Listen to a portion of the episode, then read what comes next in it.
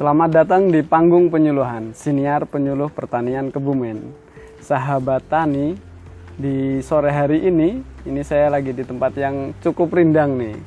Ini saya masuk ke sini sahabat tani seperti bukan di Kota. di perkotaan ya Bu. ini padahal di kota loh di Kelurahan Taman Winangun, Winangun, ya Bu betul. Puji ya.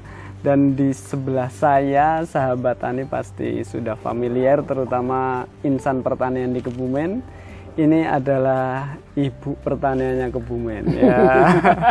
Selamat siang Bu Puji. Selamat siang. Eh, Mas bisa disapa sahabat tani, Bu Puji. Selamat siang sahabat tani, salam sehat, semoga tetap sehat dan berbahagia. Tentunya harus berbahagia. Amin. Ini kalau ketemu Bu Puji ini suasananya itu sumringah terus sahabat tani. Harus begitu. Jadi nggak ada Nggak ada tanggal tua. nggak ada nggak ada tanggal tua dan aura semangatnya itu seolah-olah mengajak bekerja terus jadinya. Jadi, Janganlah Ada. ajak santai lah. ada ah, ini Bu Puji ini sahabatannya adalah ibu kita semua di Kabupaten Kebumen, ibunya penyuluh, ibunya insan pertanian karena beliau itu paling lama berkarir itu kebanyakan adalah di pertanian. Betul. Bener Bu Puji ya? Betul.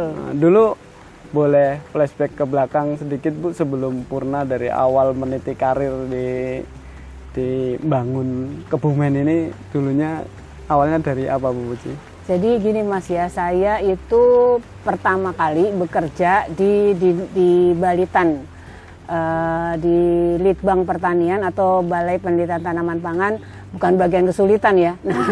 bukan Balitan. Litbang itu bukan sulit dan apa namanya dan bimbang.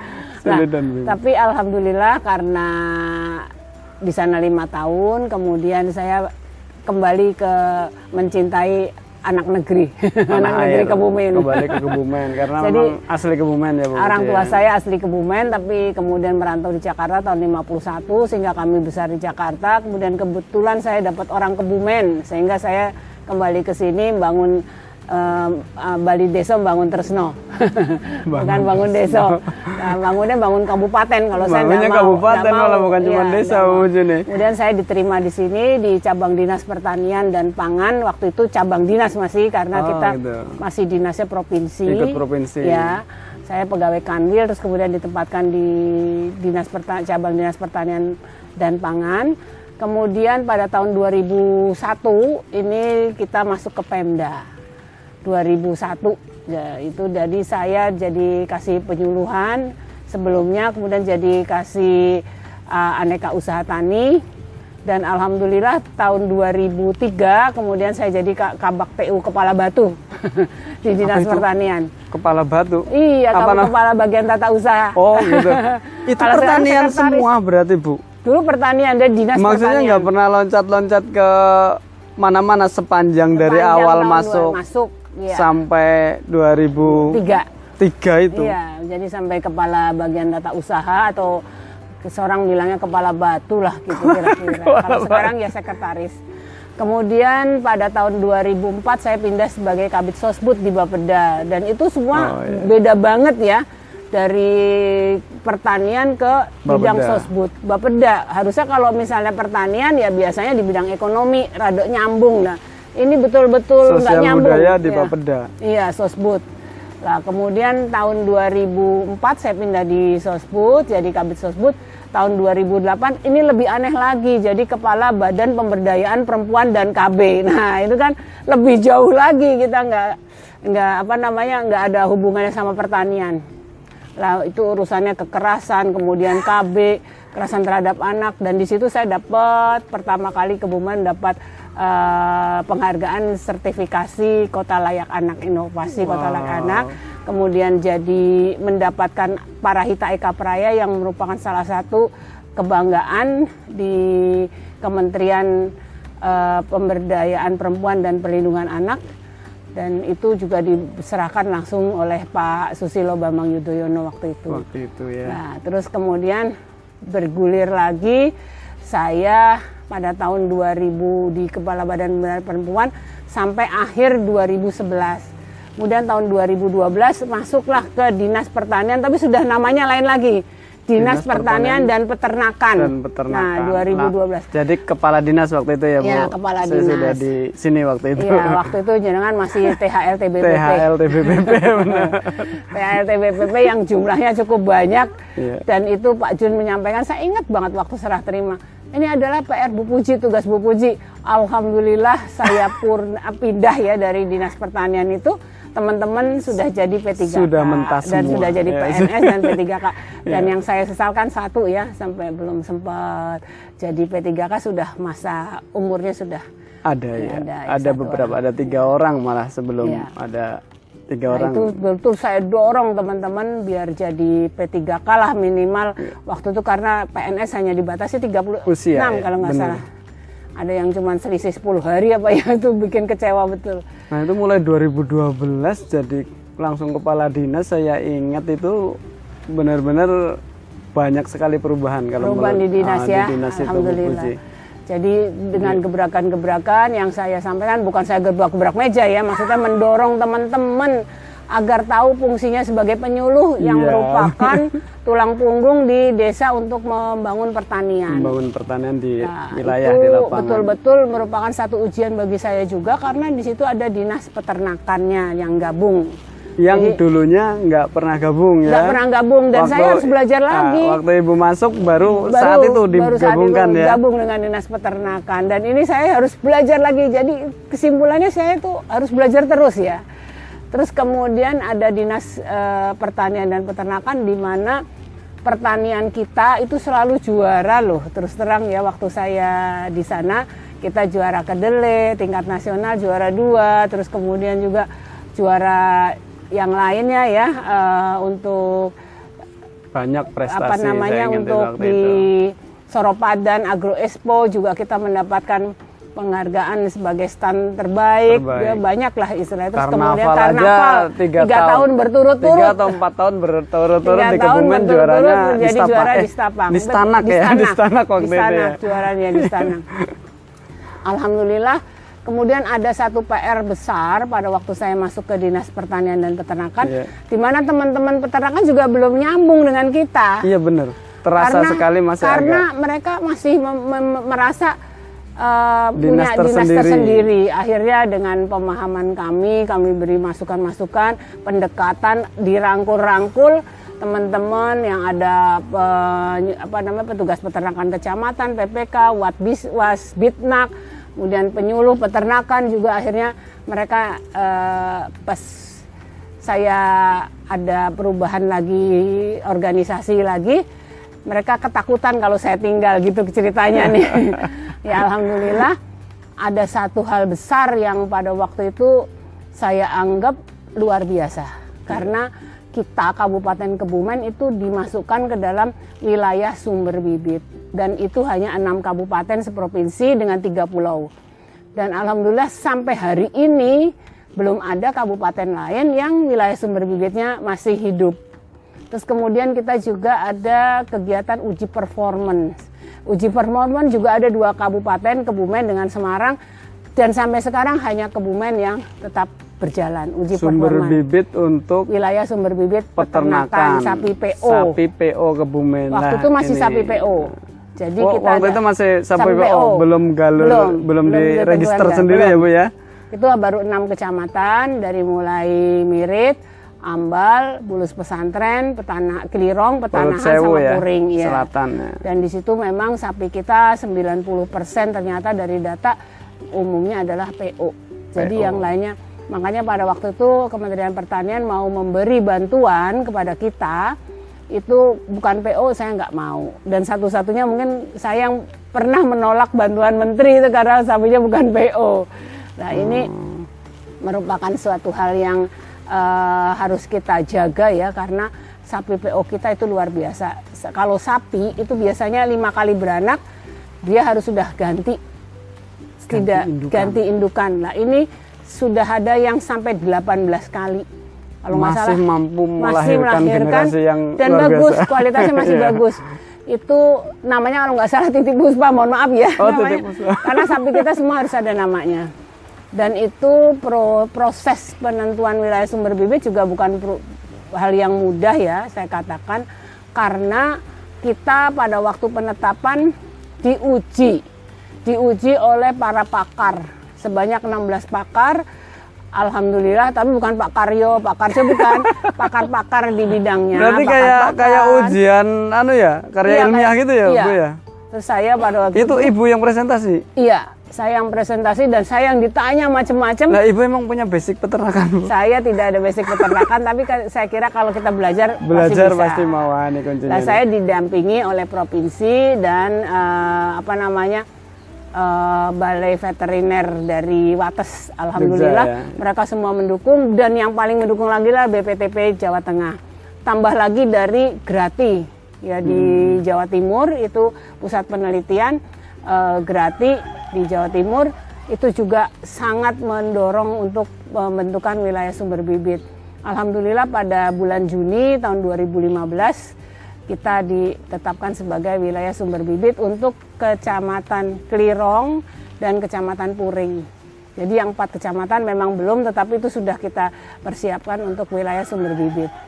Lah, tahun 2015 itu juga bersama dengan itu ada penetapan galur sapi PO Kebumen. Nah, itu dia. Nah, ini- Galur ini yang hanya Galur ada ini di hanya Kebumen ada di ya. Kebumen dengan ciri-ciri bahwa sapi PO kita itu ada lahir tuh sudah berpunuk, sudah ada sepunuknya. Terus Meskipun baru lahir. baru pun lahir, baru lahir. Terus kemudian ini apa namanya gelambirnya adalah eh, berbuku biku-biku seperti korden. Jadi kalau yang lain tuh tidak hanya lurus gelambirnya. Lurus, tidak ada lekukan-lekukan gitu ya, Kalau kita ya. lakukan dari mulai janggut sini sampai daerah pusat.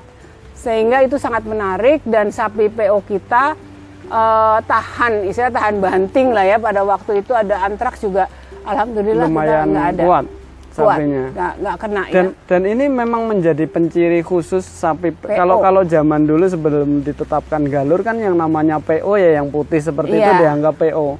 Ini kok bisa sejarahnya dulu, Bu? Ini masuk ke ini prestasi yang luar biasanya Bu Puji Rahayu ini sahabatannya adalah mengeluarkan sebuah apa ya? Keunggulan yang sampai saat ini belum ada penyaingnya. Iya. Ini di bidang pertanian dan peternakan. Satu sapi PO Kebumen dan ini ditetapkan sebagai galur khusus oleh Menteri asli Pertanian. Kebumen gitu Ya. dia anggap asli Kebumen oleh Kementerian Pertanian. Ya, Bapak Menteri Pertanian Bapak langsung. Men- Nah, ada lagi di bidang perkebunan itu kelapa genjah Genjah entok. entok. Nanti kita ngobrol juga tentang genjah entok, Ya. Bu. Ini kok dulu sejarahnya Ibu kan awalnya PO dulu ya baru genjah Ya, entok ya, Bu ya. betul. Kok kepikiran loh, Bu? Ibu yang mungkin basicnya kan bukan peternakan. Ya. Bahkan loncat-loncatnya juga antar Aneh-aneh. dinasnya pernah ke PLKB ya, Ya. pernah ke KB, pernah Bepad, ke Bapeda, terjun lagi di pertanian kok punya punya apa ya? Naluri ini ini harus menjadi ikon Kebumen. Dan bener saat ini ikon terbaiknya peternakan se Indonesia itu Nek, menurut Iya. saya itu ya Sini, sampai PO Kebumen sampai itu ya, Bu ya. Jadi kita memang ditentukan sebagai wilayah sumber bibit pada waktu itu dinas yang lalu saya nggak bicara ini ya dinas Iya, yang iya, lalu itu rupanya belum menangkap Sina- sinyal itu bahwa itu ada sesuatu yang luar biasa. Luar biasa di daerah kita gitu, ya, Bu, ya. jadi dulu itu hanya di kalau rapat ke pusat ke mana ke mana itu hanya selevel kasih yang berangkat. Oh, nah, gitu.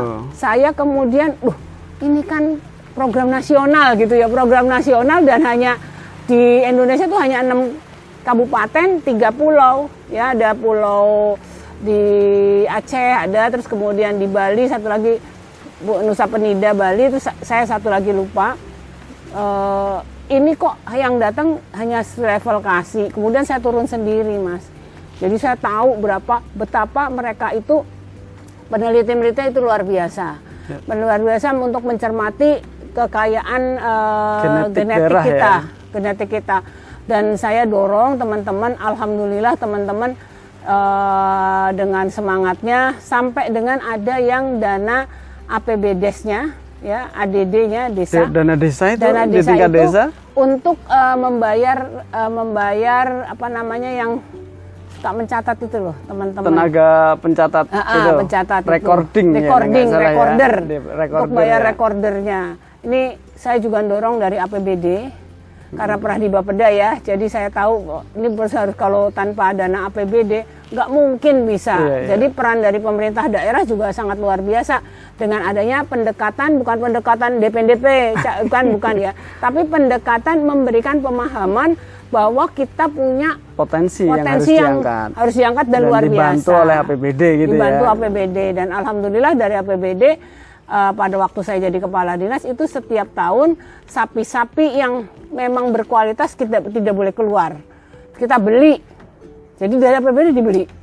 Pakai anggaran daerah APBD, itu? iya. Oh, gitu. Terus dibeli sapi itu dipelihara oleh peternaknya. Jadi nggak diambil. Jadi kita catat bahwa itu adalah punya milik pemerintah. Punya pemerintah daerah. Iya. Sampai kayak gitu Ibu. Iya. Berarti daerah punya sapi waktu itu gitu ya. Punya. Terus kemudian sapi-sapi itu sendiri tapi dikelola oleh Kelompok kelompok ternak waktu itu ya. Terus kemudian juga sapi kita yang bagus juga diminta oleh balai pembibitan ternak Mm-mm. ya diambil untuk diambil semennya. semennya untuk Ya, IB untuk itu ya. IB sampai di BBI Ungaran terus kemudian BBI Lembang itu dibawa juga semua sapi kita ya lembu suro dan lain sebagainya itu memang namanya memang harus ada namanya dan yang lebih anu lagi ya lebih saya merasa bagaimana ya dari Kementerian Pertanian Hmm. itu dari eh, Balai Pembibitan Ternak di Sembawa Sembawa itu di Palembang Hmm. itu sampai pesen sapi kita itu pertama 100 ekor buat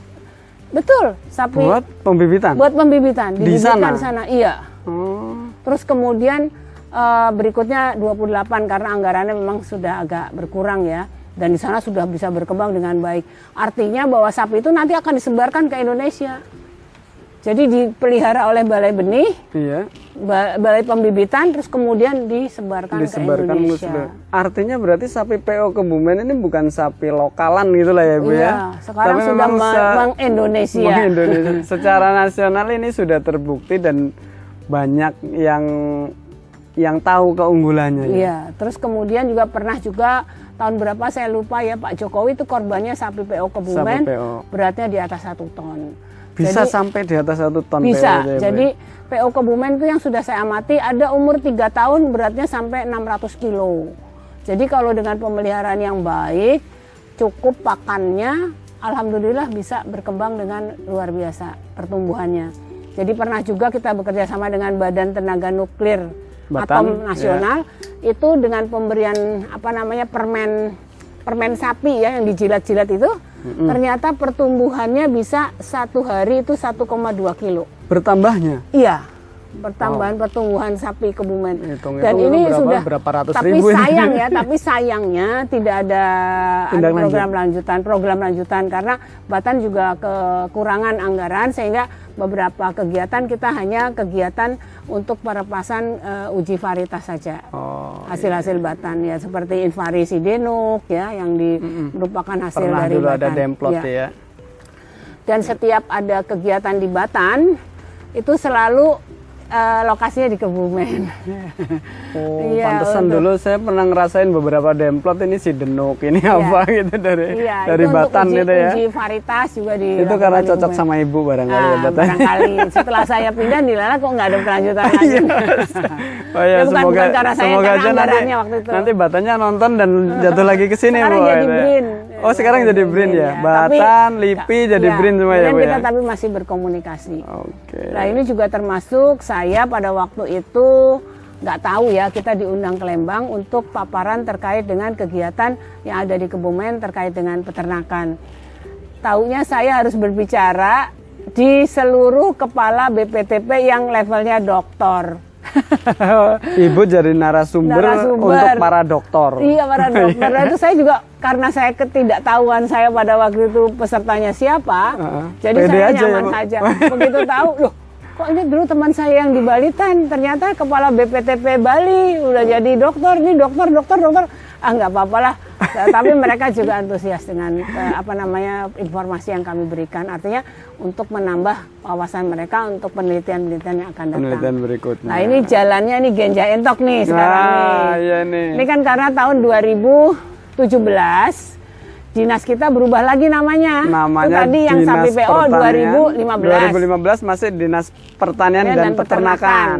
Ya, terus 2017 17 kita gabung dengan perkebunan dan ketahanan pangan. jadi Dinas Sehingga Pertanian namanya Dinas Pertanian dan Pangan. Nah, sampai sekarang. Ya, karena kok peternakannya hilang sempat diprotes itu Oh, macam-macam. iya. Rame di lapangan tapi kami jelaskan.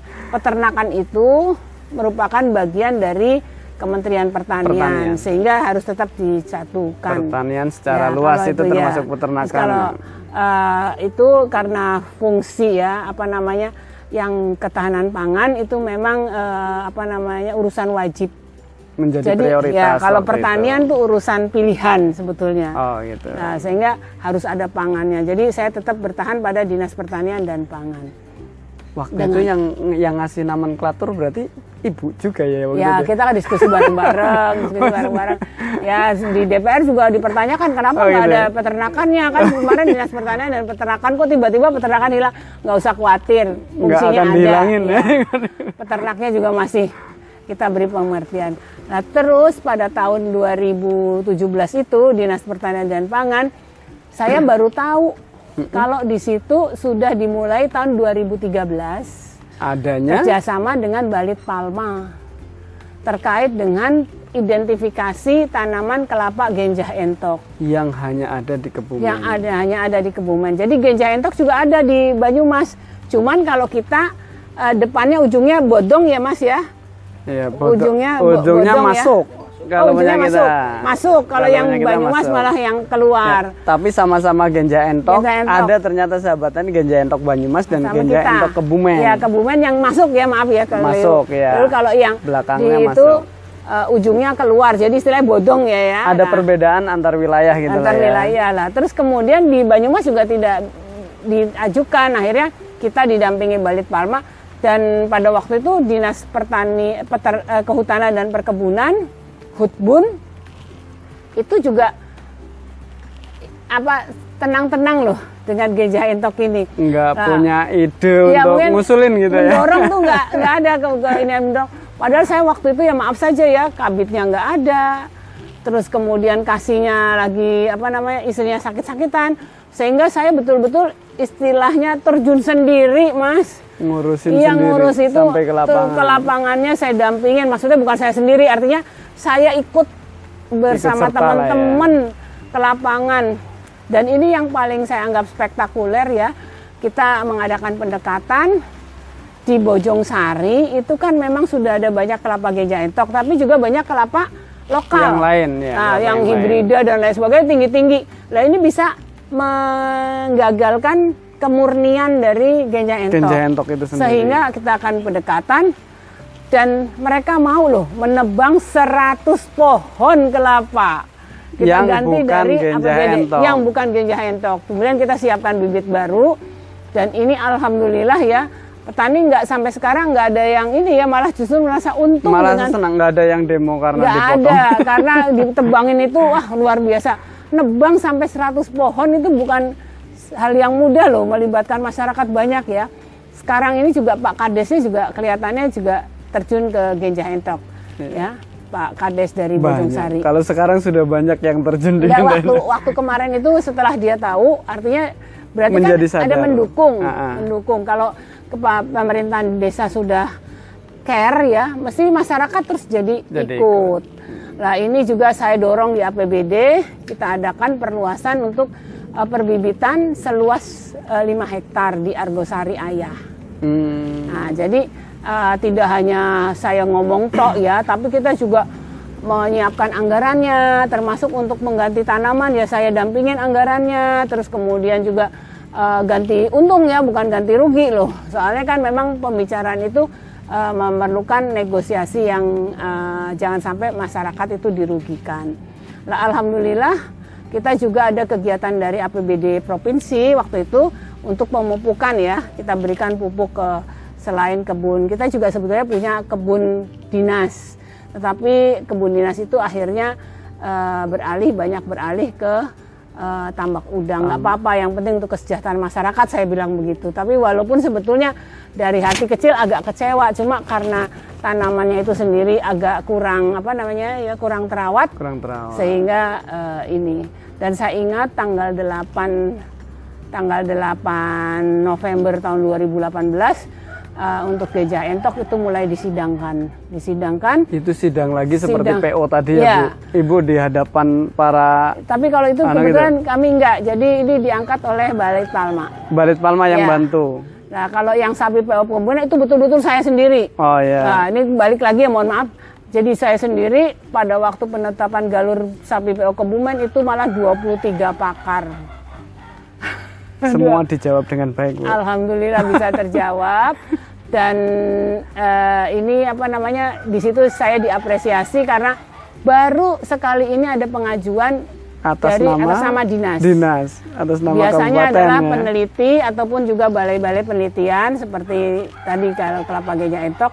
Hmm. Nah ini dan kebetulan kepala dinasnya perempuan bicara masalah sapi dan itu mungkin menambah positif dari Unik dan nilai hebat. sapi PO Kebumen. Kalau yang yang Genja Entok ini berarti Balit Palma itu banyak dari balai. dari Balit Palma. Nah dari Balit Palma sendiri kepala balainya itu tidak mau menyerahkan kepada yang lain. langsung kepalanya Pokoknya harus turun. saya yang mengawal begitu Pak karena Ismail Pak ya? Ismail Mas Kromo, Dr. Ismail Markromo, Mas Kromo, terima kasih Pak Ismail dan tim termasuk juga Bu Dr.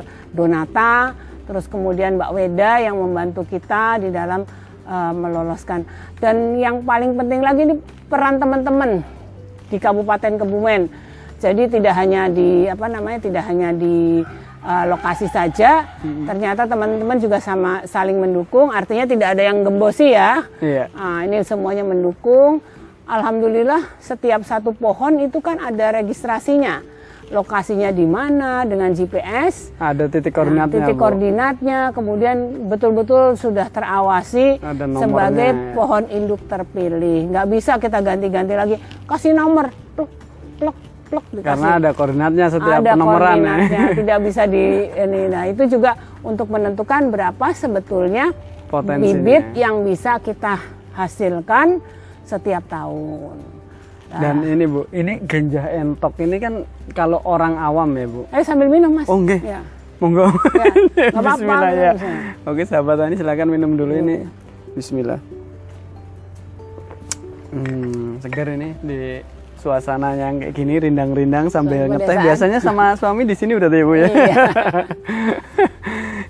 ini Bu kembali lagi ke ganja entok itu kalau orang awam bahkan mungkin sampai sekarang ya sahabat Tani mungkin masih beranggapan wah kalau semua kelapa sama aja lah ya. Semua kelapa sama aja ngapain harus di Genjaentokan. di Genja Entok kebumenkan gitu loh bu dikebumenkan kemudian eh, seolah-olah ngapain ngurus-ngurusin kayak gitu gitu kan itu yang yang terbesit di ibu itu melihat kelapa ini ada contoh kelapanya di sana ini punya Bu Ya. Puji langsung kok bisa kepikiran ini harus saya saya daftarkan menjadi varietas tersendiri gitu waktu itu kenapa tuh bu Jadi gini kita memang didorong ya dari peneliti sendiri karena ternyata genja entok itu pertumbuhannya lama. Pertumbuhannya lama itu menguntungkan sehingga kalau bertahun-tahun kan nanti dia tidak akan mungkin bisa Mudah tinggi. tinggi. Iya, dulu aja saya kalau metik kelapa genja entok nggak bisa berdiri, harus jongkok. malah harus jongkok iya. Ya, saya tuh dulu sekarang udah 25 tahun udah Wah, tinggi banget. 25 ya. tahun Tapi otomatis tidak tidak tidak setinggi kepala Harusnya 25 tahun nggak setinggi sudah itu dua ya. kali lipat. Jadi dia pertumbuhannya rata-rata setahun itu hanya 30 nggak- senti ya mungkin ya, sampai setengah meter. Nah, jadi sehingga kan menguntungkan ya bagi kita kan lihat sendiri petani kelapa sekarang kan sudah banyak yang tua. Kalau Yang pendek kan manjat ya mengerikan lah. susah Hmm. ya. Dan juga orang yang manjat sudah jarang. Terus kemudian kita juga punya potensi gula kelapa. Nah, kita arahkan mungkin nanti dengan diganti genja entok yang katanya rendemennya lebih rendah dan lain sebagainya itu saya kira bukan masalah. Ya, yang penting kan Ternyata- ini produksinya juga kan banyak. Cairannya apa? Niranya juga banyak kemarin Iya. saya sempat apa ngobrol sama Pak itu Ismail kan Mas Romo itu disampaikan. aja saya kira. Ternyata itu berdasarkan penelitian Balit Palma juga ini ba, apa bunganya termasuk besar katanya. Iya. Walaupun panjangnya termasuk tergolong nggak Nggak panjang nggak panjang tapi bunganya besar sahabat tani. Jadi bisa untuk nira juga ini Ya, kelebihannya. Dan yang ini juga break nilai ke, ke Kemanisan. kemanisan daripada kelapa air kelapa Gajah Entok itu 5 Kelapa sampai muda. 6. Di atas 5 pokoknya. Kemarin saya nyoba sama Pak Ismail 6 manis. koma Oh, malah. 6 koma alhamdulillah. Waktu di sana malah hampir ada yang 8 ya.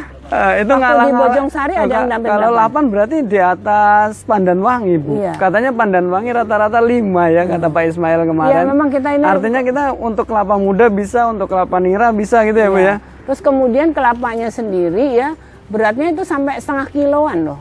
Besarnya nggak iya, kalah dengan kelapa, kelapa dalam. kelapa dalam. Kelapa Ya. yang tinggi-tinggi itu sahabat Iya, tani.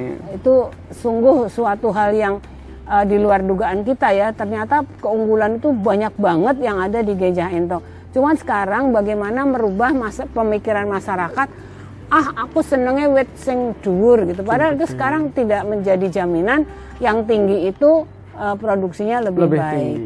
Dan umurnya juga lebih panjang nunggu. Nah, ini eh, harus kita gembor-gemborkan kepada masyarakat ya, membangkitkan pemikiran-pemikiran bahwa genja entok itu ternyata lebih eh, lebih banyak keunggulannya.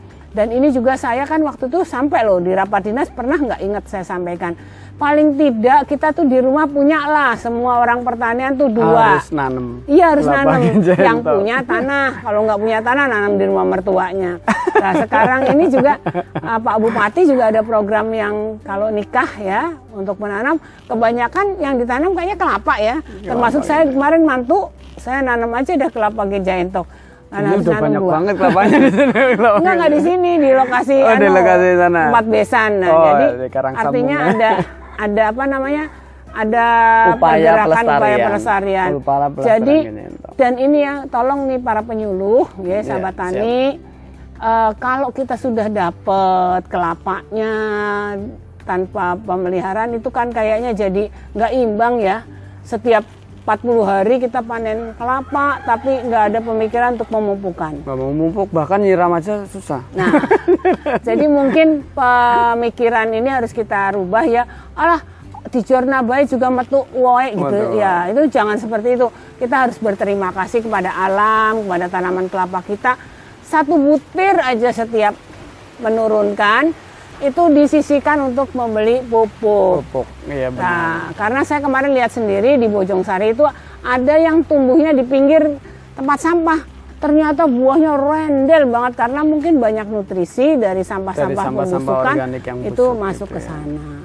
Nah, ini eh, tolong untuk teman-teman penyuluh dan sahabat tani memikirkan karena saat ini pemerintah kan sudah sangat sulit ya untuk menyiapkan pupuk seluruh, secara keseluruhan untuk seluruh tanaman kepada petani, maka eh, dari petani sendiri ada greget untuk bisa Memelihara dengan baik dengan kelapanya. baik, memupuk. Paling tidak kita ada ucapan terima kasih lah sama pohon-pohon yang eh, telah memberikan kita rezeki itu. Sama seperti di sini sahabat tani. Ini pohonnya rindang-rindang dan subur-subur sahabat tani. Jadi terawat semua ternyata Ya, pohonnya Bu kami ini. pupuknya bikin sendiri.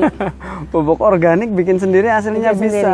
Jadi yang kalau ka- ke- biasanya sahabat tani yang dengarkan itu Bu. ya, Ah, kelapa di pupuk orga- organik juga bagus itu Bagus. contohnya yang di Bojong Sari cuman di bawah Iya, di tempat dekat sampah. deket tempat sampah tanpa dipupuk kimia juga bagus karena dari sampah itu terdapat bahan organik yang banyak. Nah ini luar biasa ini sahabat saya tani. itu bikin pupuknya dari ini tanaman lidah buaya nih. Oh gitu. Terus kemudian air beras leri, kemudian air kelapa. Wah ini bisa Iya. di podcast khusus Terus resep kemudian- pembuatan pupuk organik Iya. ala Bu Puji Terus nih. kemudian pakai M4 kita ini Difermentasi apa, fermentasi tiga dalam minggu. drum. Itu coba bisa lihat sana. Ya, Bapak juga punya alat semprotnya sendiri, nyemprotin ini sendiri. Itu kelengkengnya juga sudah mulai berbunga. Ini sudah berbuah yang kedua kali ada kelengkeng merah, kelengkeng jambu tidak pernah berhenti berbuahnya. Ada pete, ada sawo, semua lengkap tanaman di sini. Ini kayak kebun raya kalau saya lihat. Jadi sesuai dengan tupoksinya. Nah, Iya, ya masa, betul. masa kepala pertanian pensiunnya jadi juragan kos-kosan. Sebetulnya bisa kalau mau dibikin kos-kosan ya. Iya, ini. Lumayan banyak Uh, kamar lumayan ini banyak kamar, tapi saya lebih nyaman dengan kita hidup berdamai dengan alam lah. dengan Eh, tanaman. coba siang-siang begini ngopi ngeteh di sini ada angin semilir-semilir, ada suara ayam walaupun punya tetangga. Di sini ada juga burung berkicau bagus punya tetangga. Kan memberikan kenyamanan lah di hati. Oh. Nah, itu ada ayam ketawa, kita bisa Ayam mendengarkan eh, suara-suara alam ya. Nah, di sini ada ikan, kolam untuk- ikan tanaman. Ini semua tanamannya kalau dihitung ini kayaknya ratusan ini jenisnya tanamannya sahabat tani dan ini ya patut diacungi jempol dan menjadi suri tauladan ini apa? Tidak jarkoni lah. tidak jarkoni Bu Puji sebagai mantan kepala dinas pertanian kami yang mendidik kami ini terutama generasi-generasi muda ya nggak muda juga saya udah tua berarti nih Bu generasi bahkan generasi tuanya Penerus, penerusnya generasi itu penerus. di dunia pertanian khususnya di Kebumen itu harusnya bisa melihat bisa melihat bagaimana sebenarnya kepala dinas kita Bu Puji yang waktu itu dan sekarang juga masih konsen terhadap dunia pertanian sahabat tani ini pertanian Walaupun lompat-lompat juga. Walaupun- tidak tidak pensiun sebagai kepala dinas oh pertanian. iya Ah, walaupun terakhir terakhir jadi asisten, bupati ya pemerintahan dan asisten Masih Pak Arif dan, ya? as- iya, asisten pemerintahan dan kesra. Sebelumnya jadi kepala Bapeda yang mikir se- perencanaan sekabupaten. Terus sambil kemudian kepala Bapeda pernah jadi double kepala dinas juga PLT kepala ya? dinas PLT di asisten. Ja- oh Asisten udah di asisten itu oh udah di asisten ya. Iya, menjelang enam bulan mau purna, Mau purna, ini malah- disampiri tugas lain. asisten plus Asisten- kepala dinas Asisten plus Waktu kepala itu. dinas. Dan alhamdulillah tetap sehat karena kita merasa eh, pekerjaan jangan menjadi beban. Pekerjaan jangan menjadi beban, tapi itu adalah kewajiban yang harus kita selesaikan dengan baik. Gitu. Oke, ini luar biasa motivasinya. Ini motivator sebenarnya sahabat tani. Jadi dari dulu eh, saya lahir jadi penyuluh, waktu itu masih Pak Jun ya. Iya. Ganti Bu Puji ini memang nuansanya juga lebih bersemangat, Dinamis. Nah, lebih dinamis, lebih bersemangat. Eh, dan kalau kita rapat itu yang diberi itu yang dicas itu bukan hanya kerjaan, tapi semangatnya juga dinaikkan gitu ya, Ya, Bu ya. harus. Saya ingat itu. Dan Jangan beliau hanya dijejelin dengan tugas-tugas. Terus. Bukan nggak mau hanya tugas tapi semangatnya diangkat, dipompa. Dan itu kerasa sekali buat bawahan-bawahannya waktu itu. Dan yang saya salut dari ibu ini apa keinginan belajar dan kemampuan mempelajarinya itu sahabat ini. Kemampuan belajarnya cukup cerdas ini kalau saya lihat beliau itu nomor plat sampai hafal nomor HP. nomor HP, nomor plat hafal ya. plat motornya siapa itu. Jadi kalau ba- apa anak apa bawahannya itu penyuluh di lapangan. itu tanggal lahir tapi sekarang saya nggak nggak Oh ya, tanggal lahirnya nanti ya. dikira ada hal-hal yang wah ini Oh, kalau gitu. ini ista- ini istimewa tapi beberapa masih ada di memori Masih ada di memori. Dan ini yang yang langka dari seorang pimpinan seperti Ibu Puji Rahayu ini.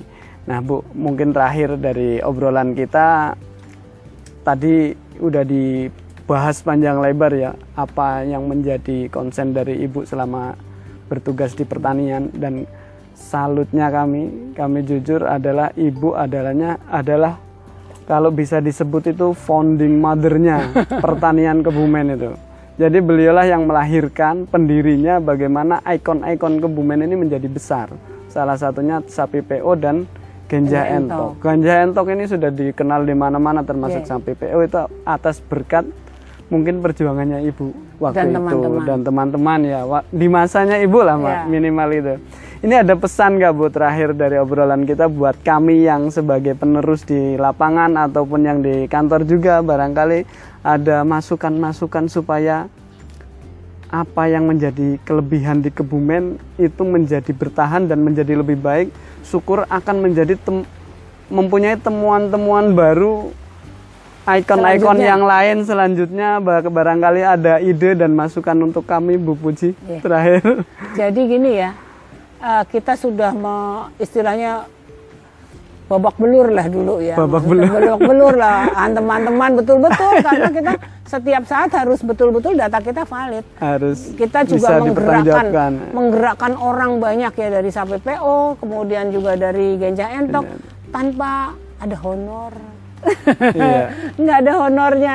Ini betul-betul suatu yang saya anggap suatu hal yang uh, tools ikhlas dari teman-teman. Terima kasih untuk semuanya. Uh, yang jelas bahwa kita sudah memulai, sudah menetapkan uh, ikon Kebumen dengan susah payah ya. Iya. Dan itu bukan pekerjaan yang mudah. Karena kalau kita ujian dokter saja paling yang uji 3 atau 4. Nah ini kemarin sampai PO Kebumen itu saya 23. 23 pakar. Kemudian pada waktu penetapan wilayah sumber bibit 16. Kalau misalnya waktu itu Pak Mas eh, Kepala Balai itu tidak terlalu banyak ya. Hanya sekitar 8 kalau nggak salah pengujinya. Artinya penguji-penguji itu betul-betul eh, ingin tahu lebih banyak dan kita bisa menunjukkan kelebihan kita. Oleh karena itu bagi para penyuluh ya nggak usah ada penyuluh peternakan penyuluh penyuluh lah secara keseluruhan ini tolong yang namanya genjah entok ini sudah mendunia di Indonesia termasuk juga kita sering dimintai oleh provinsi lain. Ya dari pusat juga eh, ada anggaran khusus untuk eh, mengamankan ya mengamankan dan pengembangan eh, genjah entok. Oleh karena itu kalau ada yang punya lahan sekali lagi ditanam lah biar masyarakat juga lebih dekat lagi. Dan kita tahu sebagai penyuluh tahu teklirnya itu tanaman seperti apa.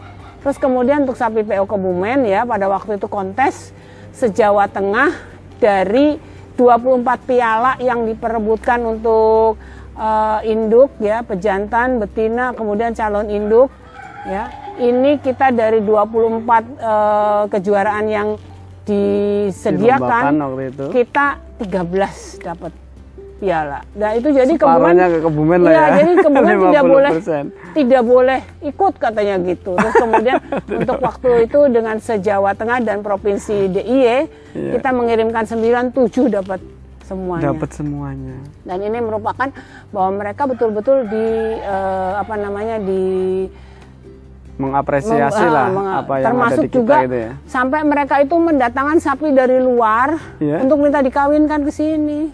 Nah, kan itu kan suatu hal yang kita sudah punya jangan sampai kayak seperti eh, kambing apa etawa ya peranakan etawa yang Purworejo itu katanya Kali gesing ya. Ya, yang sudah bagus malah bukan di ke mana. sana gitu ya. Jadi saya waktu itu concernnya bahwa untuk yang indukan-indukan terpilih, pejantan-pejantan terpilih itu tidak boleh keluar.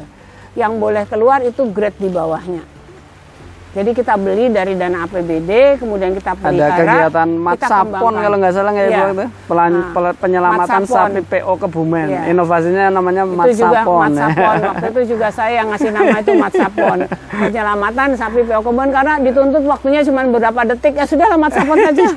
Ya, kebetulan eh, inovasi ini mandek terus kemudian tapi sudah sudah tercatat artinya mohon teman-teman lagi bisa menimbulkan inovasi-inovasi yang lain. lagi. Yang jelas ini tolong dilestarikan betul-betul sampai dulu Kabit di provinsi itu menciptakan lagu eh, sapi PO Kebumen. Nah, kembangkan dan lestarikan sapi PO Kebumen sampai seperti itu dia ciptakan lagu khusus ke sini. Dan dulu saya juga melaksanakan penyuluhan, sosialisasi dan lain sebagainya lewat radio, lewat televisi. Jadi lewat Iya. radio tuh ada dulu acaranya patrol, acaranya malam minggu jam 12 malam.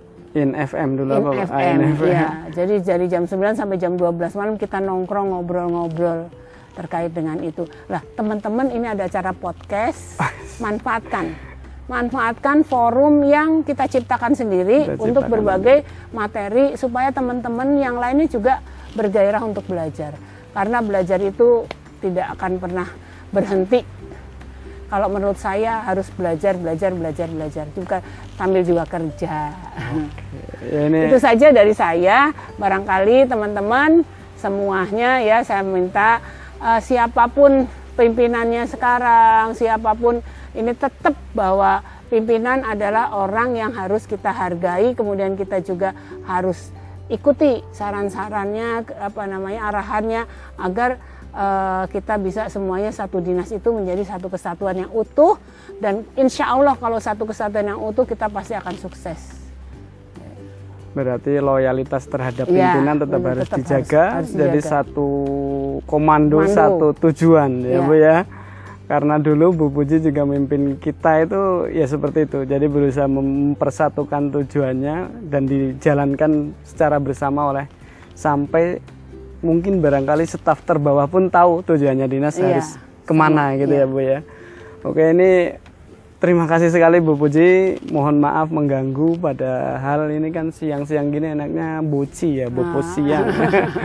Tapi kami datang ke sini. Itu yang yang hobi boci, kalau yang tidak hobi yang enggak juga sih.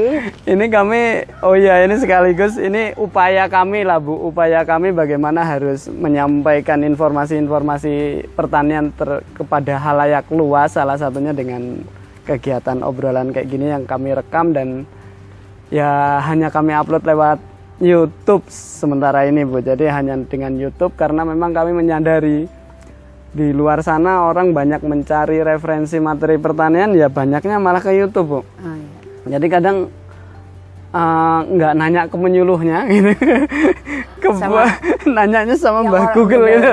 Sama YouTube cara Dan lebih membuat percaya. Ah, lebih percaya, percaya. ke YouTube. Nah, upaya kami ini penyuluh kebumen ini membuat ini karena biar kehadiran kami ada di dunia cyber itu di dunia maya itu, Bu.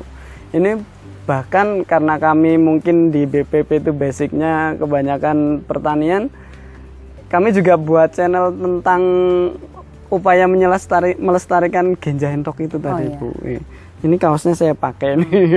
Jadi Saya ada, punya loh. a- oh udah punya, punya ya mas. Kita kita buat channel di BPP Alian karena memang sentra PIT terbanyak di Alian. Kebetulan saya juga sekarang di BPP Alian, jadi kami beru- berupaya untuk ikut andil lah sedikit melestarikan bagaimana genja entok ini kebumen ini supaya di hatinya orang kebumen minimal itu menjadi Sudah sesuatu yang bersemayam bersemayam di dan hati. dipelihara dengan baiknya.